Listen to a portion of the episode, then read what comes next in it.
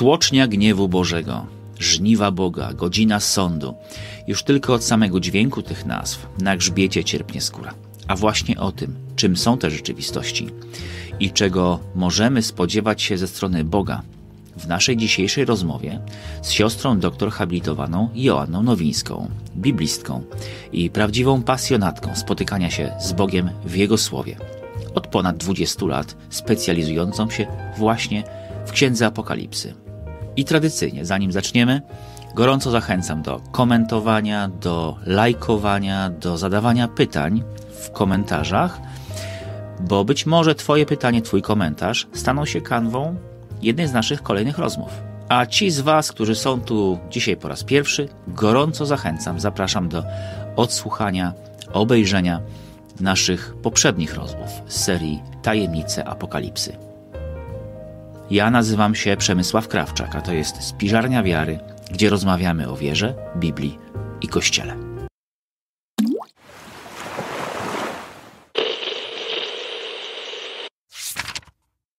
Joanna, naszą ostatnią rozmowę zakończyliśmy na bestiach. Znaczy w ogóle cała rozmowa była o, e, o, o, bestiach, o tym, co, co robią, co się z nimi dzieje i co się z nimi stanie. I obiecaliśmy, że dojdziemy do happy endu, czy do tego, co, co na, jaki jest koniec tej, tej, tej, tej całej historii. I dojdziemy do tego, drodzy widzowie i słuchacze, dojdziemy do tego, ale jeszcze nie dzisiaj.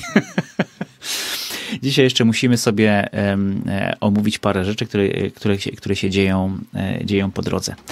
Ja Cię, Joanna, chciałem zapytać, e, w czternastym rozdziale Apokalipsy pojawia się w jedenastym wersecie takie oto zdanie dotyczące czcicieli bestii, już nie samych bestii, ale ich czcicieli.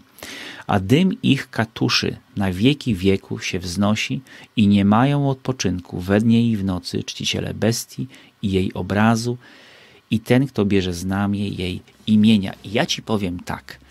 Jeżeli gdzieś w Apokalipsie, czy w ogóle w Biblii szukałbym takich, wiesz, poparcia w Słowie Bożym naszych wyobrażeń piekła, to to jest właśnie ten, ten werset. To, to, to jest właśnie wymalowanie tych, te katusze, że i dzień, i w nocy, i że nie mają spokoju, i, i jest, no, wreszcie dzisiaj jest piekło, nie?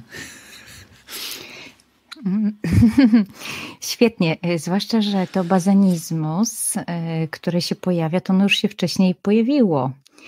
E, bo jak popatrzymy sobie chociażby na niewiastę, która cierpi bóle i męki rodzenia, o której mówiliśmy, to to bazanizmus opisujące właśnie te cierpienie już tutaj jest. Więc musiałbyś jednocześnie do piekła wsadzić niewiastę z 12 Niezręcznie mi, powiem ci szczerze.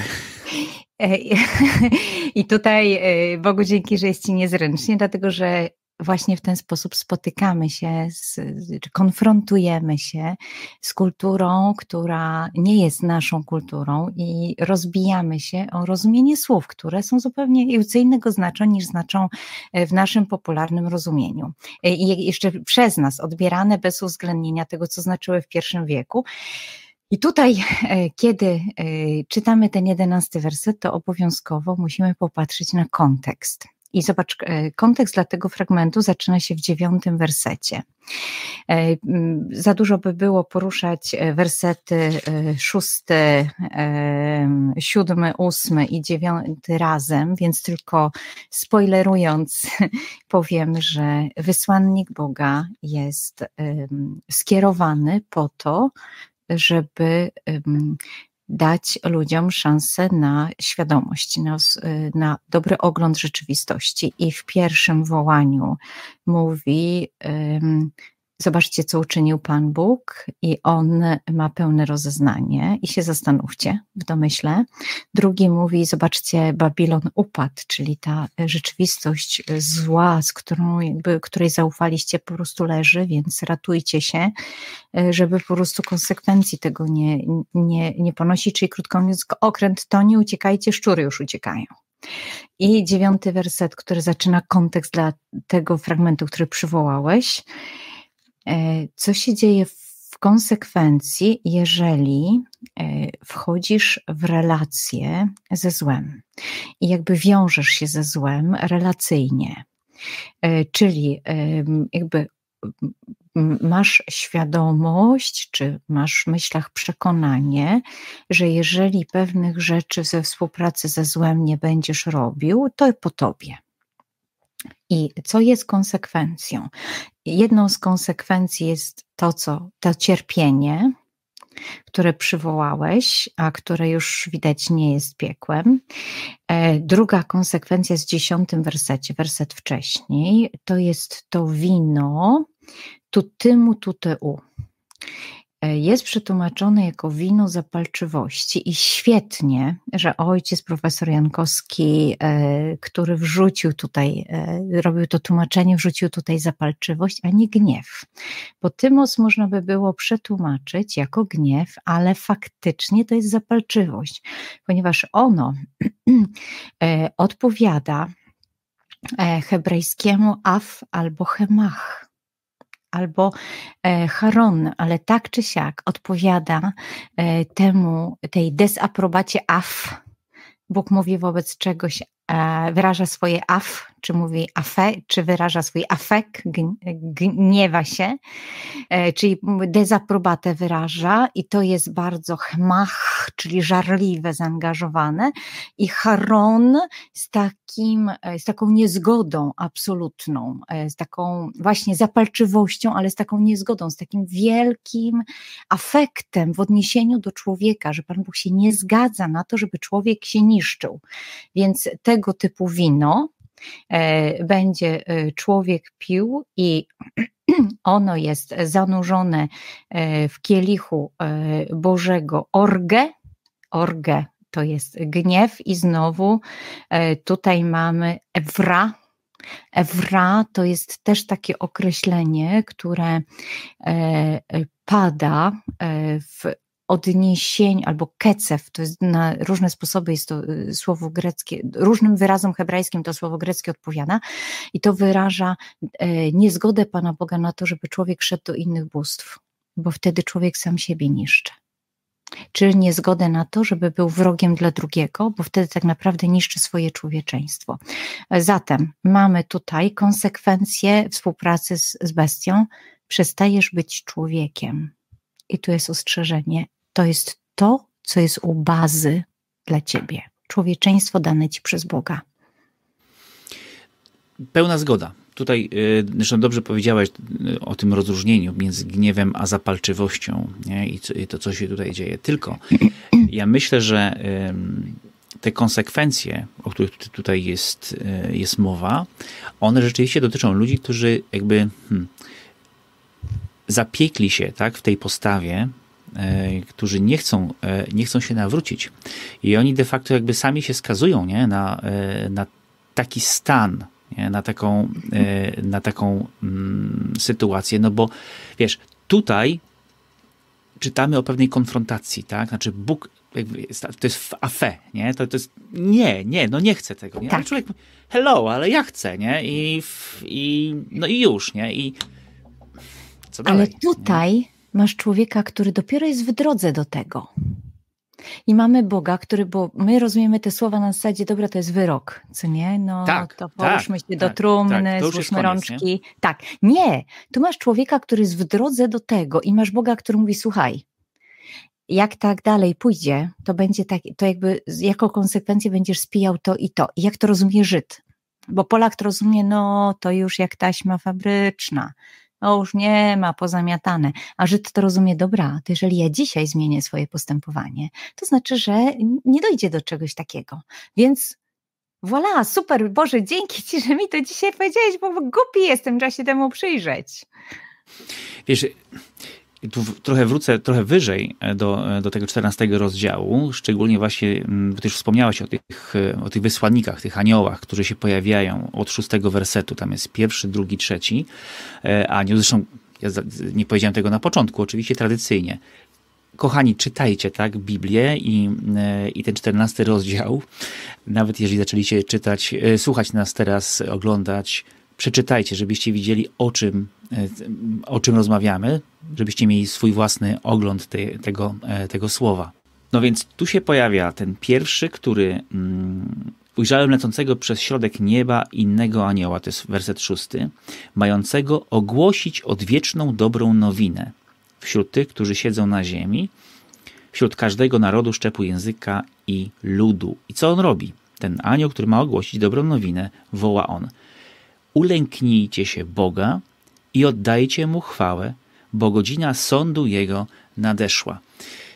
W moim uchu to jest echo tego, co się działo dużo wcześniej w Ewangelii, co najmniej dwa razy.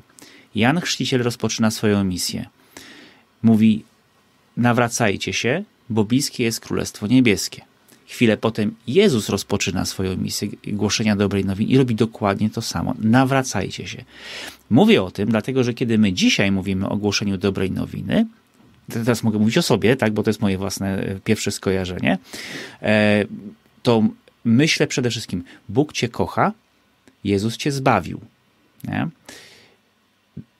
To nie jest sprzeczny komunikat, ale to jednak jest gdzie indziej położony akcent.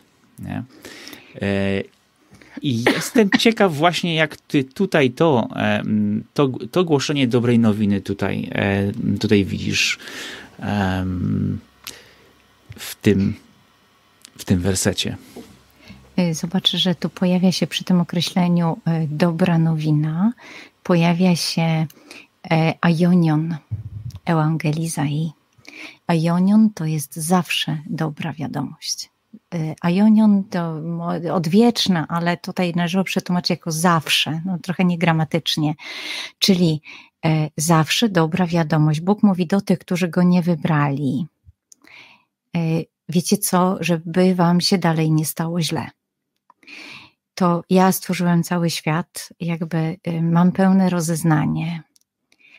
Jakby mm, będąc częścią tego świata, nie poznaliście mnie, ale jakby przyjmijcie to, że to jest mój świat, y, że wszystko jakby widzicie nie, y, nie dzieje się według tego, jak bestia sobie przewidziała, tylko widzicie na tym moje panowanie.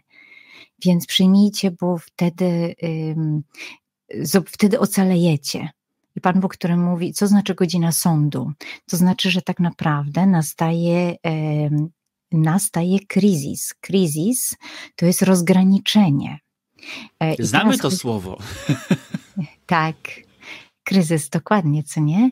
I teraz, i to wiesz co, to jest świetna sprawa, dlatego że tutaj jest wezwanie, ulęknijcie się dokładnie jakby, weźcie, zacznijcie myśleć, i mieć jakby na, na, na, starajcie się nabyć takiego respektu, czyli kurczę, weź, rusz mózgiem, rzeczywistość nie kończy się na Twoich horyzontach, tylko jest znacznie szersza. W związku z tym y, uświadom sobie, y, że jest to ten kryzys, czyli jest dokładnie rozgraniczenie. Pan Bóg rzuca światło i wszystko widać, więc Ty widzisz to. Więc myśl, i drugie wiesz, ty, wiesz co, ty tutaj bardzo ważną rzecz powiedziałaś o tym, e, że to jest o, o, tym, o tym kryzysie, bo my ten kryzys e, raczej widzimy jako coś, co jest naszym problemem, a nie żadną szansą. My po prostu jak mamy kryzys, to chcemy ten kryzys pokonać, jakoś przez niego przejść. I najczęściej i najlepiej o własnych siłach, tak? Byłem w kryzysie, ale sobie poradziłem, nie? Ale jakoś z tego, z tego wyszedłem. I to nie jest takim potocznym rozumieniu e, stan, w którym szukamy jakichś nowych szans. Raczej e, staramy się, jak powiem, wstać tak z tego błota, w które wpadliśmy, ogarnąć się i iść dalej. Mm, no nie, samo słowo nie, nie, nie budzi w nas raczej e, takich, takich skojarzeń, o których mówisz. Ono pochodzi od greckiego słowa krino, które oznacza rozdzielać. Jest to przetłumaczone jako sądzić, to nie jest najszczęśliwsze określenie, nie jest precyzyjne, rozdzielać. Teraz co robi Pan Bóg? E, jak Pan Bóg mówi, że Jego słowo jest jak miecz obosieczny ostry, do, pokazując rozdzielające, to znaczy, że Jego słowo wchodzi, On rzuca światło, On przez swój komunikat rzuca światło, jasno widać wszystko gdzie jest Pan Bóg, gdzie są rzeczy związane z Panem Bogiem, a gdzie są rzeczywistości, które od Niego się odsunęły, gdzie człowiek wybrał coś, co zupełnie go nie dotyczy. I to jest na tej zasadzie, jak jest kryzys, to ja też widzę, kurczę, tak, coś nie, nie, coś nie halo, tak, a tutaj coś halo. I teraz, y, co jest ciekawe, że tutaj paradoksalnie, jak my y, kojarzymy właśnie to kryzys, to krino z Bogiem, to otrzymujemy informację, On jest w środku. Czyli On jest tym, który rzuca światło. Nie jesteś w kryzysie sam. On jest tym, który rzucił ci światło, czyli tym, który mówi: Hej, głowę dałem na wyposażeniu, jestem tu z tobą. Voilà. I to jest dobra wiadomość, bo żyjesz. Bo jeżeli jesteś w stanie w ogóle to zobaczyć, że jesteś w kryzysie, to znaczy, że żyjesz, a mogłeś już nie żyć. Żyjesz, czyli wszystko jest jeszcze do zmiany. Stąd te przywoływania i stąd to stwierdzenie, właśnie, że bestia, że jeżeli będziesz się trzymać bestii, tak, to wówczas e, jakby wchodzisz w zło. I teraz y, pierwsze doświadczasz tego, i Pan Bóg mówi: Ja nie odpuszczę, bo ja Cię kocham, więc będziesz doświadczył, że ja o Ciebie walczę. Dalej, y, że. Przepraszam, bę... bo tu, tu powiedziałeś znowu kapitalną, e, kapitalną rzecz. Ja ci nie, od, ja, ja ci nie odpuszczę, bo o ciebie, bo o ciebie walczę. Tak. A to jest coś takiego, że jak my doświadczamy, mając jakieś tam, powiedzmy, intuicje religijne, doświadczamy jakichś kryzysów e, czy trudności życiowych, Pierwsze znowu skojarzenie to jest kara Boża. I to przez mhm. wielu ludzi, szczególnie starszego pokolenia, nie? Bóg, no wiesz, to zrobiłeś to czy tamto, nie? E, tak. no to Bóg cię, Bóg cię karze, nie? Za, za to. To jest jakaś taka forma właśnie, ale właśnie takiego ojty, ojty, nie? To teraz dostaniesz tak. w, w, tyłek, bo, e, bo zrobiłeś nie tak, jak, e, nie tak, jak powinieneś. Tu nic pozytywnego nie ma. Bo my patrzymy na to, że coś się skończyło i jest pozamiatane i nie ma wyjścia, a Pan Bóg mówi: Ej, ale uszczypnij się, żyjesz, to nie jest pozamiatane. Dopóki żyjesz, nigdy nie jest pozamiatane. Dałem ci światło, dlatego że żyjesz, to je widzisz. I to jest, myślę, fenomenalne, bo to jest udowadnianie nam, że jakbyśmy byli martwi, to byśmy nie czuli kryzysu. A skoro go czujemy, skoro w niego wchodzimy, to znaczy, że jesteśmy żywi, czyli wszystko się jeszcze dzieje. Ale że go czujemy, to nie jest powód, żeby uciekać od Boga. Oczywiście, bo to jest, to jest rozwój, który w którym Pan Bóg rzuca nam światło, żeby nas kolanem wypchnąć dalej. I teraz obrazy, które jak znam życie, to zaraz je przywołasz jako największe, najbardziej traumatyczne obrazy sądu, czyli żniwo i tłoczenie winogron, to to jest wypychanie dalej. Bo po co jest żniwo? Żniwo jak żniwo. Wciąż dla tych, którzy nas słuchają, a nie posłuchali, żeby przeczytać 14 rozdział e, Apokalipsy, wyjaśniamy, tak, to jest e, w, w ciągu dalszym 14 rozdziału Apokalipsy jest mowa o żniwie i o winobraniu. Żniwo jest tutaj akurat takim chyba wydaje się dość pozytywnym obrazem, przynajmniej nie ma tu jakichś e, wprost określeń, natomiast przy winobraniu, a i owszem, to ja tylko tutaj zacytuję, kiedy mowa jest o w 19 wersecie 14 rozdziału mowa jest taka i rzucił anioł swój sierp na ziemię i obrał z gron winorośl ziemi i wrzucił, teraz uwaga, wrzucił je do tłoczni Bożego gniewu ogromnej. I teraz to jest mocne. I wydeptano tłocznie poza miastem, a z tłoczni krew wytrysnęła aż po wędzidła koni na odległość tysiąca i 600 stadiów. No, przepraszam, ale to wiesz, wypychanie kolanem to tutaj. Nie, no to wygląda rzeczywiście, to już jest, to wygląda jak, jak ostateczne rozwiązanie kwestii grzeszników. E, Przemo, e, 40 lat temu, a może 30 kilka, w jednym możesz to pamiętać. Przepraszam, ale. Wiesz, to nie było znowu, tak, tak znowu dawno, jak, jak na moje standardy. Prawda? No. W jednym z czasopism młodzieżowych pojawiło się opowiadanie, w którym autorka e, snuje narrację całe po, mniej więcej w tym stylu, sparafrazuję, całe pomieszczenie pełne czerwonej cieczy na ścianach, mocna czerwień na podłodze, przelewa się. Wszędzie e, pokostki zanurzeni w wyciśniętym, mocnym, krwistym I tak wydrylowałam wiadro wiśni. Identycznie. No okej, okay, dobra, ale tutaj nie jest. Nie, Na nie, czym to nie polega jest mowa problem? o wiśniach. To nie jest mowa o wiśniach. Ale jest mowa o winogronach i mamy jeden, jedyny problem, który związany jest z krwią, ponieważ Żydzi nie mają określenia na sok winogron. To jest krew winogron. Ponieważ kolor soku win, winogronowego przypomina krew, więc jest krew winogron. A my myślimy, dobrze, mamy tutaj ucztę wampirów. Nie, nie mamy uczty wampirów. Lecz mamy tak naprawdę czynność, którą Żydzi doskonale znają, która jest paralelna dla nich do, żni do żniw, czyli wyciskanie winogron w tłoczni. I teraz uwaga, Przemo. Im bardziej gnieciesz winogrona w tłoczni, tym no wiadomo, tym bardziej wytryskują, tym, tym, tym bardziej są wyciśnięte. Ale wiesz co, ale co to są te winogrona? Wiesz, to o to chodzi. Nie? A co to jest to żniwo? Czego, co jest ścinane? Tak? Mi się wydaje, że obydwa te obrazy dotyczą jednego, jednej rzeczy, czyli um, jakby za, um, chyba żebym użył właściwego słowa, bo to nie jest koniec świata, chociaż nie, dobra, niech będzie. To jest, to jest ostateczne zakończenie, czyli ten moment, nie. kiedy kończymy. Jak nie, jak nie, jak jest nie. napisane właśnie w ten sposób, że zapuść sierp e, no i, i, żniwa dokonaj, bo przyszła już pora dokonać żniwa, bo żniwo dojrzało na ziemi. No, no i to dojrzało I ci... To dojrzało, ci nic nie, to dojrzało ci nic nie mówi. Jeżeli idziesz na pole i widzisz dojrzałe kłosy, co się stanie, jeśli nie rozpoczniesz żniwa? Okej, okay, dobra. Wiadomo, Zmarnujemy je. A teraz się. idziemy dalej. Po co je, dlaczego, dlaczego musisz zacząć, bo inaczej się zmarnują, prawda? Tak. I teraz po co je ścinasz?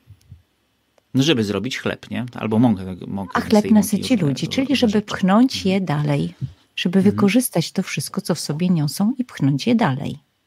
Żniwo jest, jest ocaleniem tego, co by się za chwilę zmarnowało. Winobranie jest ocaleniem tego, co za chwilę by zgniło czy zeschło na krzakach. Ale to jest mowa o tłoczni gniewu Bożego, to nie jest. Powoli, najpierw jest tłocznia. No. Tak? No. Więc teraz do, zamknijmy, po co jest żniwo i po co jest winobranie, że to nie jest okrucieństwo, bo jeżeli nie pozbierasz, yy, nie pozbierasz kłosów, to się zmarnują, jeżeli nie poślesz ich dalej, to chleba nie będzie. Jakby to jest dalsze życie tych, tych ziaren, czy dalsze życie tych winogron. Ono jest winie, które nasyci ludzi, ich rozweseli. Zatem to teraz pytanie do ciebie. W jakim, y, y, w, y, czego dotyczy gniew? Której czynności? Przy której, do której czynności jest przypisany gniew? Mm, gniew tutaj bezpośrednio jest związany z tłocznią. Nie? Dobrze. Bo, to jest, bo tak, jest, tak jest to określone, no przynajmniej w tym tłumaczeniu mhm. tysiąc, tysiąclatki. Tak? tak. Wrzucił, e, o, tak anioł rzucił anioł swój sierpnie na, ziem, na ziemię, obrał z gron winorośl ziemi i wrzucił je do tłoczni Bożego gniewu. No dobra, Dobrze. ogromnej, ale tłocznia jest tym, tym miejscem, w którym, no właśnie, co się dzieje, nie? Wytłaczona Dobrze. jest. Tak. No i teraz, czyli to miejsce, gdzie trzeba wycisnąć, żeby to poszło dalej. No bo jeżeli z winogron nie wyciśniesz soku, to one się zepsują. Tak, nie zna nowe jasne. kowania. Więc to jest normalna ta przestrzeń, w której jakby posyłasz dalej, żeby to wykorzystać. Prawda? Zgadza się? Mhm. Dobra, no tak. okej. Okay. No to teraz wracamy do, do gniewu i to podobnie mamy tymos, o którym już mówiliśmy, że to jest albo af, albo chema, albo haron. Czyli Boża desaprobata, Boże zaangażowanie. I teraz Pan Bóg mówi tak, muszę o teraz jakby muszę ocalić z was to dobro, bo za chwilę ono się zepsuje ocalamy to dobro z Was i pchamy dalej. I teraz y, domyślając się następnego pytania, stłocznik krew, czyli sok winogron, wytrysnęła aż po wędzidła koni i na y, odległość 1600 stadiów, czyli ile jej było? Ile było tego piękna w tych ludziach? I tego bogactwa, które zostało wyciśnięte jako coś, co posłuży radości ludzi za chwilę? No dużo zdaje się. No. Mhm. I mamy Boga, który po tym, jak mówił, ratujcie się, ratujcie się, ratujcie się, mówi, bo zobaczcie, co w was jest. I teraz Pan Bóg mówi: Wkraczam, żeby ocalić wasze piękno, żeby ocalić wasze dobro. żeby ocalić to, co w was jest obecne, bo inaczej to za chwileczkę zgnije, bo to już jest czas na to, żeby to posłać dalej. Czyli tym sposobem, w jaki Bóg to robi, znowu jest kryzys. Czy kryzys?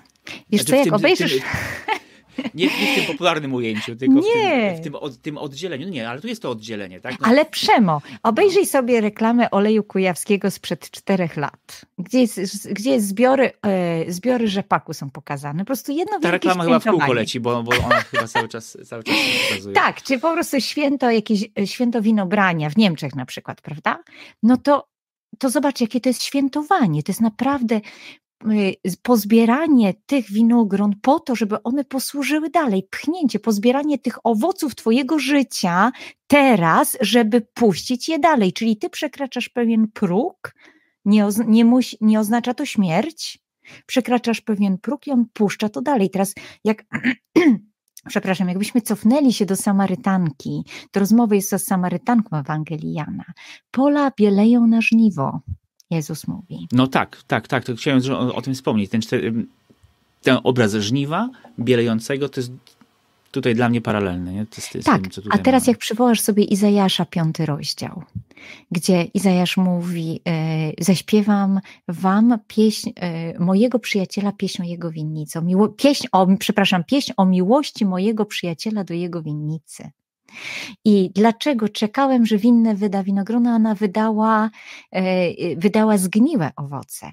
Teraz Pan Bóg mówi: Ja teraz jakby ocalam, bo jakby jest niebezpieczeństwo, że wy e, jakby zaangażujecie się w zło, bo już żeście tam robili pierwszy, drugi, trzeci krok, dlatego do was wołam, dlatego, bo chcę, dlatego jest ten kryzys, bo chcę teraz was puścić dalej. On jest rozwojowy. Czyli to jest tak, ta historia już miała miejsce, więc nie chcę, żeby się powtórzyła, więc działam zanim się zepsujecie. Oczywiście. Tak, i ta historia nie miała jeszcze miejsca, bo cały czas Pan Bóg zdążył. I człowiek e, ogarnia, tam była przypowieść, pieśń, prawda? Nie, nie przypowieść, to była pieśń. Co nie? Czyli ten, czyli dobra, żeby to jeszcze wybrzmiało raz, to żniwo i to winobranie to nie jest zgarnianie ludzi e, z ziemi, i stawianie na sądzie i wyciskanie w, tłocznik właśnie tego naszego gniewu, e, czyli w zasadzie kara na tych, którzy postępowali, e, postępowali źle. Tego nie ma, przynajmniej tu, e, teraz rozmawiamy o 14 rozdziale Apokalipsy. Tego tu nie tak. ma. To jest coś zupełnie innego. Tak. To, I to, teraz jest mówisz. jeszcze tak, i teraz jest jeszcze jedna nakładka, która często jest tutaj y, wspominana, która wiąże się z tym, że, czy jakby wyrasta na kanwie słów, że y, ta tłocznia jest poza miastem, na zewnątrz miasta.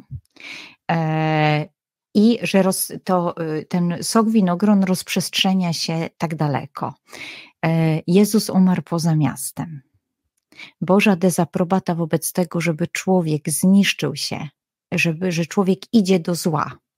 Wyraziła się najbardziej w tym, że Pan Bóg mówi: Ty idziesz do zła, jakby zło ciebie y, usiłowało obkleić, ja to wszystko odkupuję. I teraz nam się nakłada y, tutaj ten obraz Jezusa, który wszystko odkupuje. Jak daleko, jak szeroko? Aż po wędzidła koni na odległość 1600 stadiów. Wszędzie. Max. To jest zawsze dobra wiadomość. Hmm. Jana, jak już sobie znajdę jakiś werset y, w Apokalipsie, mi nie wybrnie z tego, nie wybrnie. to potem wchodzi Joanna i no i szachmat i znowu i znowu wybrnęła. Dobra, okej. Okay. Ja, ja, się cieszę, że wybrnęłaś, dobra, bo mnie, mnie to też uspokaja. E, bo ja ten obraz, e, szczególnie te, tego właśnie tej tłoczni gniewu, no to widziałem jako taką rzeczywiście tutaj rozprawę z rozprawę z, z nami albo z tymi, którzy, którzy są niedobrzy. Nie.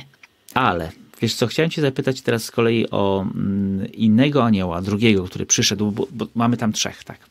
I pojawia się anioł, który idzie za tym pierwszym, który wzywa, e, który, który wzywa do nawrócenia, który, mm, e, który mm, głosi odwieczną dobrą nowinę. I ten mówi: Upadł, upadł wielki Babilon, co winem zapalczywości swojego nierządu napoił wszystkie narody. Kto to jest tutaj?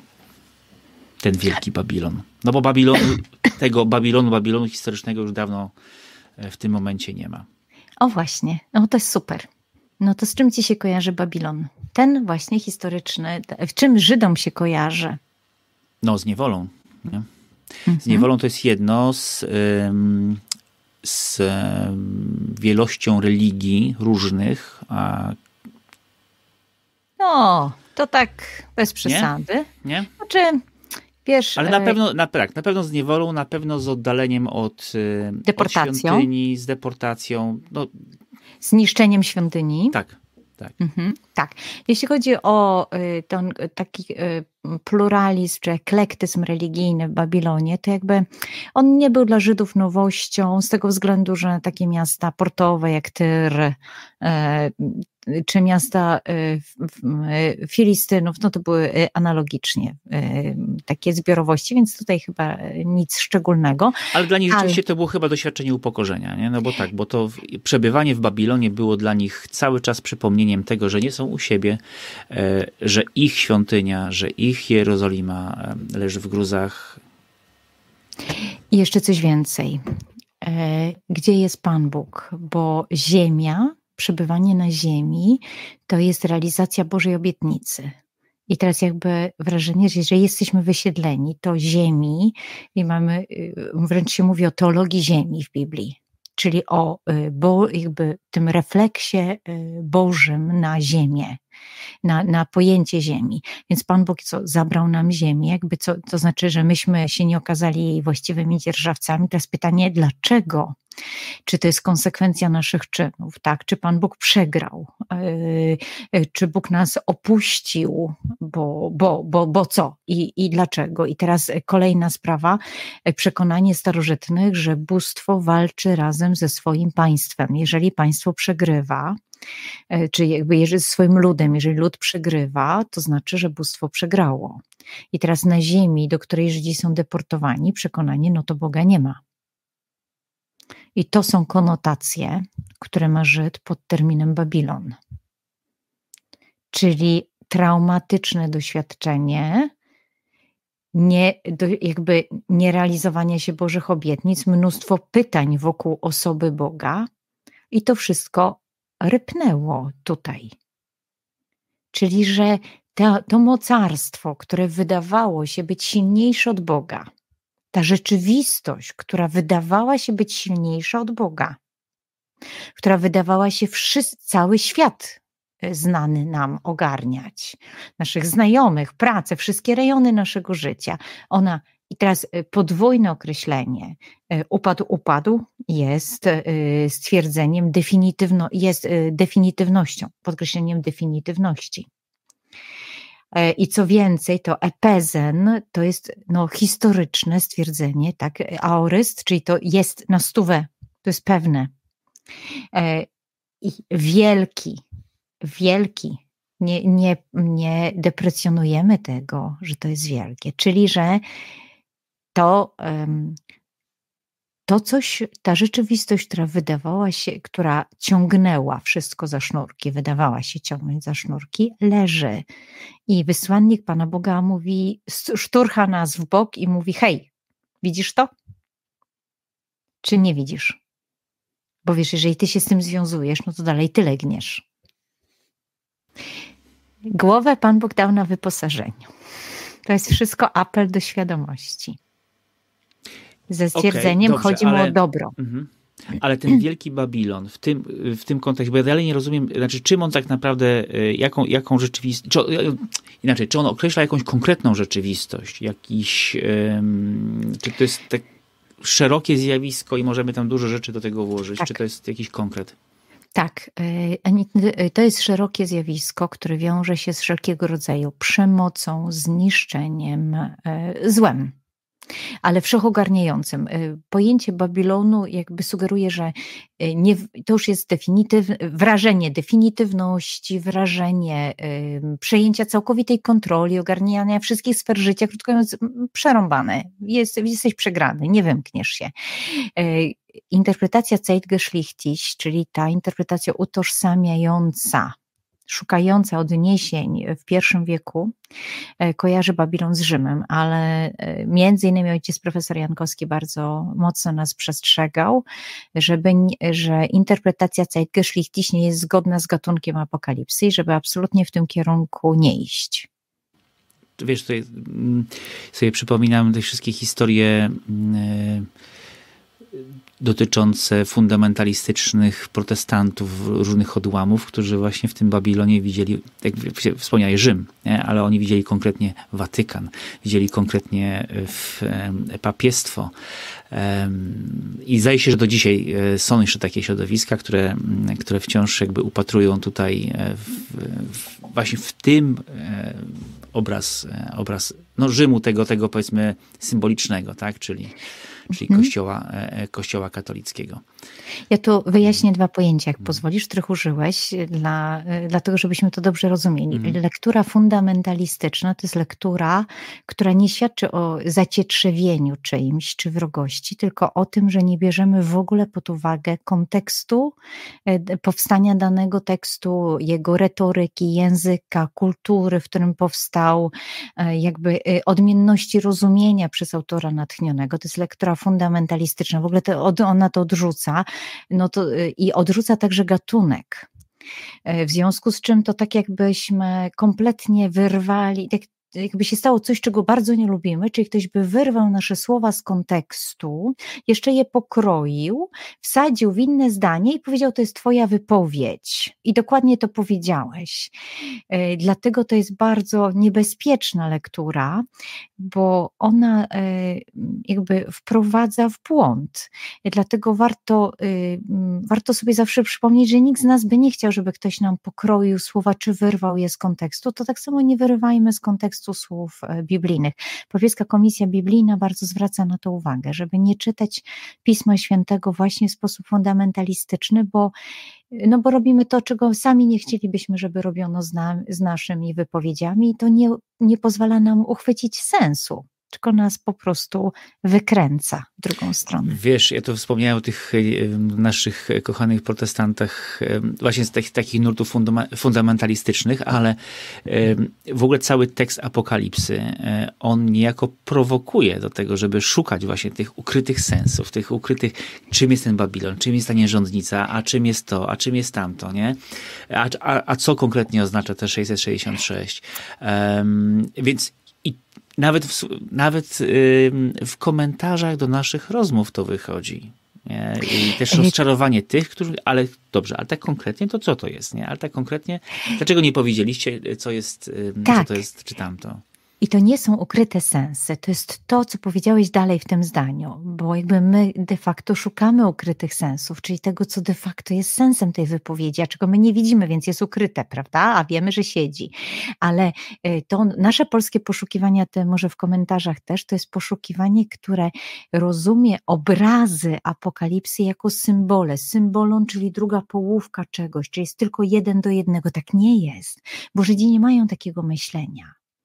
Apokalipsa była pisana w mentalności hebrajskiej, ale już w doświadczeniu Jezusa zmartwychwstałego, ale cały czas autor biblijny jest jakby w mentalności y, hebrajskiej. To jest y, zupełnie inna kultura, więc tylko język jest grecki. I solecyzmy, czyli te wszystkie zniekształcenia gramatyczne, one nam pokazują, że on, cel, on nie szlifuje tekstu, bo bardzo chce, żeby wszystko było właśnie w tej szerokości obrazu, a nie w systemie jeden do jeden.